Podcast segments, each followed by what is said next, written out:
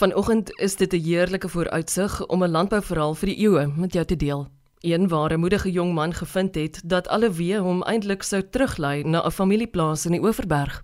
Jy gaan nou terme soos skuldfiks leer ken en hoor hoe 'n bedrewe jong man teen alle verwagtinge in meer as een spreekwoordelike kalf uit die put sou red, natuurlik met ondersteuning van die wie hy die meeste bemin. Volhoubare bestuurspraktyke en 'n positiewe werksomgewing is waarvoor hy graag onthou sal wil word. Klein Jan Tebus is 33 jaar oud en die is sy storie. Ek boer tussen Vredendal en Klawer, gedeelte steenvrugte, maar dis nie 'n hoofvertakking nie en dan het ons wyndrywe en droogdrywe en gemengde groente wat ons boer vir kontantvoedselyndes. 80% van ons bedryf is die wyndrywe waarmee ons besig is. Al kom ons by 'n plek af sê ons ons boer met wyndrywe, dan dink die mense, my vrou het gelukkig hierdie fout gemaak want ek het haar op Klawer ontmoet. Maar as jy net iemand op 'n ander plek ontmoet en hulle hoor wyndryf waar dink hulle hierdie wit mure, jy ry reguit af tussen akkerbome, maar by ons is dit net plein veld en dan dry af in die teerpad af op 'n grondpad en dan is dit net wyndrywe en droogdrywe wat jy sien. So harde klimaat, uiterstes, baie droog, nie so koud nie, baie min reën. So ja, dis 'n harde wêreld, maar dis 'n baie mooi wêreld. Jy het 'n paar interessante draaie geloop voor jy op die plaas geëindig het. Ja. ek was op skool in die Parel en ek is daar na vir dis eintlik 'n lang storie. Ons het groot geraak my maat nooit vir ons blootgestel of gesê dat ons kan kom boer nie. Om die dood eenvoudige rede die gronde was net nie te groot, was net nie groot genoeg nie en ons het by koöperatiewe wynkelers wat in 99 jaar 2000 nie uitbetaal het nie. Ons het in 24 maande 1 en 'n half keer ons het 99 se helfte omset verloor en ons het 2000 alles verloor. Wat ons 'n jaar en 'n half geen inkomste gekry het nie en dit maar rimpel effek later. Ek het 2007 klaar gemaak met matriek. My ma het nooit vir ons gesê hoe dit gaan en wat in die bedryf aangaan nie. Al was dit altyd gepraat van ons moet loop leer. Dit was ook 'n eenvoudige keuse van wat ons kon loop doen. Ons kon gekies het my ma het so drie beroepe vir ons gegee. Ek kon gekies het tussen 'n dokter of 'n advokaat, prokureur, advokaat of 'n vlieënier. En dit ek dit ek die vliegskool waar ek was het eers 'n laat, hulle het eers hier einde Maart het hulle mense ingevat. Ek het 2008 gepars, my paal gehelp en dis waar ek regtig gesien het hoe dit op die plaas gaan. Maar dan nou is ek 18 jaar oud. Ek het geen ek weet nie wat ek weet nie hoe wiskunde werk nie, ek weet nie hoe somme werk nie. Ek gaan maar net aan met die boerdery. Dit wat die opdrag wat ek kry voer ek uit. So toe het ek so aangegaan en ek is ek dink die 28ste Maart moes ek by die vliegskool wees. My maat my nog gevat. Ons is hier op, dis ergens in die Oos-Kaap, was ons by die plek. En toe ons daar kom, toe weet ek al wat op die plaas aangaan en hoe die fin finansiële stand is. En ons moes die volgende oggend moes ons 76000 rand betaal vir die eerste 6 weke of so iets om jou eerste lisensie doen. Ek het net gesê daar's nie 'n manier dat ons dit gaan kan doen nie. En daai het my ma my afgelaai en sy's terug met 'n kar huis toe.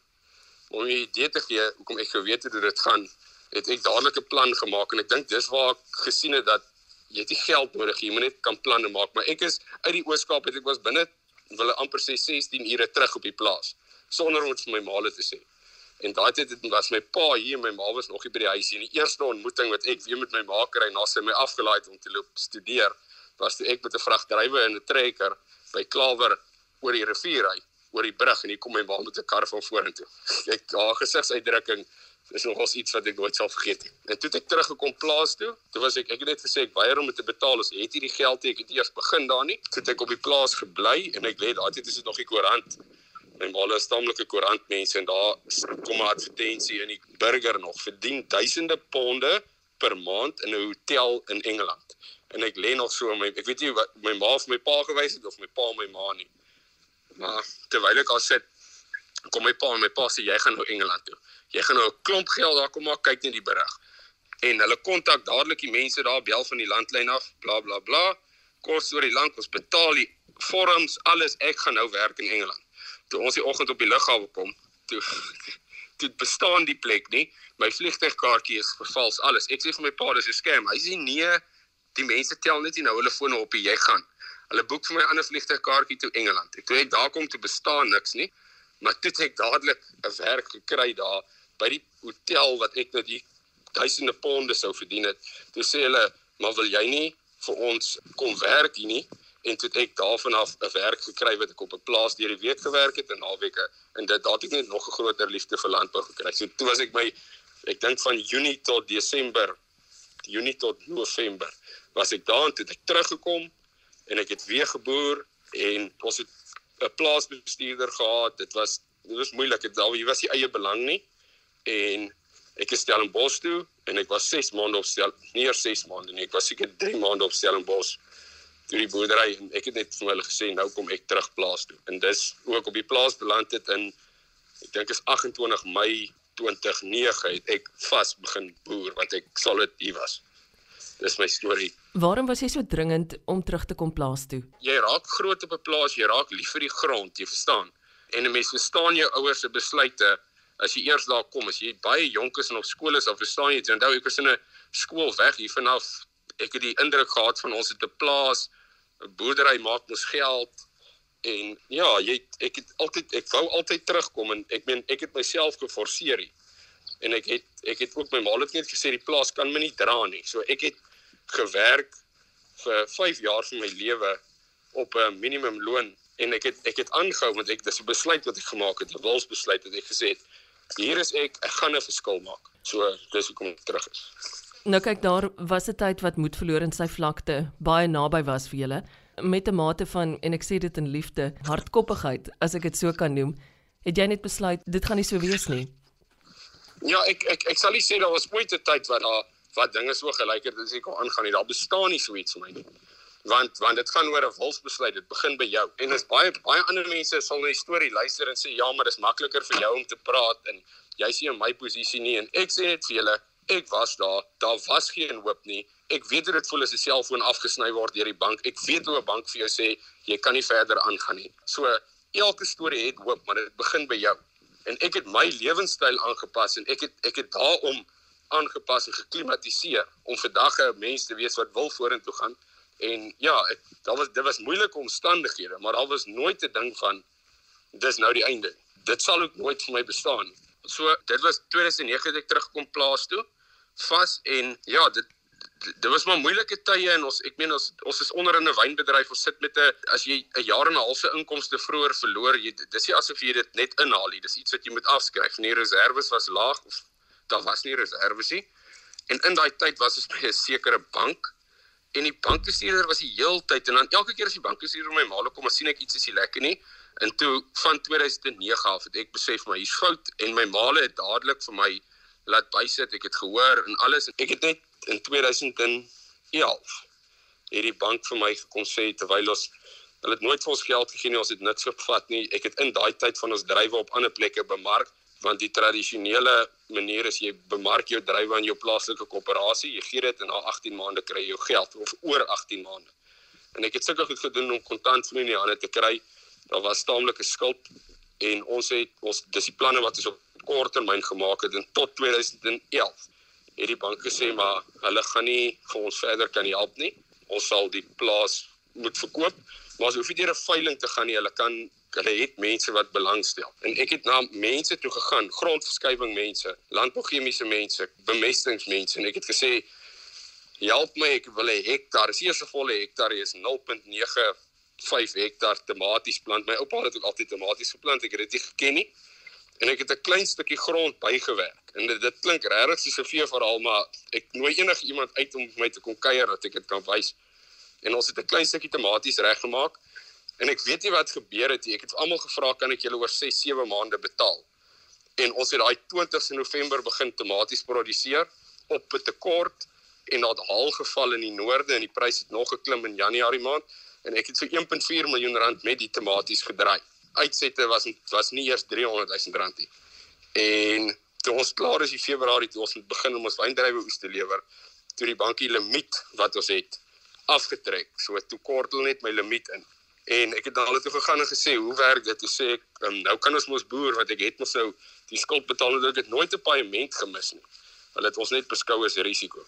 Hulle het gesê, "Nee, nog steeds kan ek nie aangaan nie" en ek het presies wat ek in 2011 doen in 2012 herhaal met 2.5 hektaar tomaties. En presies dieselfde het gebeur en ek het 2.6 miljoen rand gedraai uit 2.5 hektaar tomaties uit. Daarvan af het dinge net begin beter gaan. Ons ons kon begin gronde bykry. En in 2013 was daar plek vir my broer op die plaas. En dit was ek een van my beter tye want toe het ek iemand om na toe te kan gaan. Ek het iemand om my storie, nie net die storie nie, maar om 'n nou jy kry daai dae wat jy ons nou depressed is. En en ek en my broer se ons boer baie lekker saam.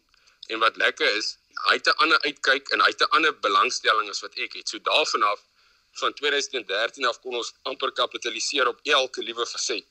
Soos op 'n meganiese gedeelte kan my broer help spaar. Daar kan ek help dit doen. Hy kry vir ons hy het vir ons markte gekry ander plekke waar ons kan drywe lei. So en daarvan af het ons net lekker saam gestaan en die boerdery daarvan af net vorentoe gehardloop. Moenie dink dit gaan vandag baie beter nie. Die skuldlas is nog steeds hoog, maar ons gaan ons nie meer deur ander mense laat afsien nie en ons doen ons eie ding. Ons probeer dit so kundig as moontlik doen. Ons vind uit ons gaan na boere daartoe. Ons bel mense, ons bel kenners en sulke goeters en ons probeer maar net sekere doelwitte nakom. Klein Jan, jy sê jy skuld fiks, maar jy's nie bang nie. Ja, maar kyk, my vrou hou skool en sy's gewoond as sy salaris inkom, betaal ek dit en jy moet net die groter prentjie as dit sien. Dis net 'n maklike term wat ek uitgedink het hoe dit so swaar gaan. Jy moet net fiks raak in hierdie omstandighede. Jy het nie 'n scientific calculator nodig om dit goed uit te werk nie. As jy weet jy dit en jy weet wat jou vermoë is, dan weet jy presies tot waar jy kan leen. Ou het nou eendag gevra het, "Waar's jy gemaklik wat jou skuld-bateverhouding moet wees?" Jy sê ek wel, my skuld-bateverhouding kan 1 tot 1000 wees. Ek moet net weet ek kan dit terugbetaal binne 10 jaar of binne 15 jaar. So ek ek dink dit begin by jou en dan moet jy daarvan af sê waartoe kan jy gaan. En en as jy dit het, dan kan jy my skuld maak. Jy moet net gewoond wees aan. Ek kan my indink daar's heelwat ander boere wat ook vir jou kom vra vir raad. Ja, dit weet jy dit is nogal snaaks in die begin. Ek het ja, ek het eintlik baie ou mense en nou baie van daai ouer mense is nie meer hier nie of of is nie meer aktief in die boerdery betrokke nie. Daar kom van hierdie jonger kinders na my toe. En dan ja, dis vir my lekker om hulle te kan help, is lekker om hulle gerus te stel. Ek sê nie ek is 'n ensiklopedie en ek gee vir jou raad jy gaan uit jy gaan geld maak of jy gaan goed doen nie. Maar net om vir die ouens te sê, wees net rustig. Kom ons gaan aan. Kom ons som gou die situasie op en dan 99% van hulle beantwoord hulle eie vrae as hulle by my kom. Jy is bekend vir die goeie verhoudings wat jy het met ander ander boere, die mense op jou plaas en met jou familie wat dan nou saam met jou boer. Wat is jou sleutel tot sukses? Ek is al baie harde gehad ook. Maar daar seker goed wat vir my moet gebeur soos 'n goeie verhouding met jou familie en 'n goeie verhouding met jou mense rondom jou. Jy kan nie sonder hulle nie. So dis dis mense wat ons het op die volgende vlak gevat en ek sal dit vir die res van my lewe daai en dan my plaaswerkers. Onthou ek het mense toe ek begin het, het ek begin met 4 plaaswerkers. Ek het vandag omtrent 20 permanent en as dit nie vir hulle was nie, ek praat van leer en sulke goed. Dit kom van my plaasmense af.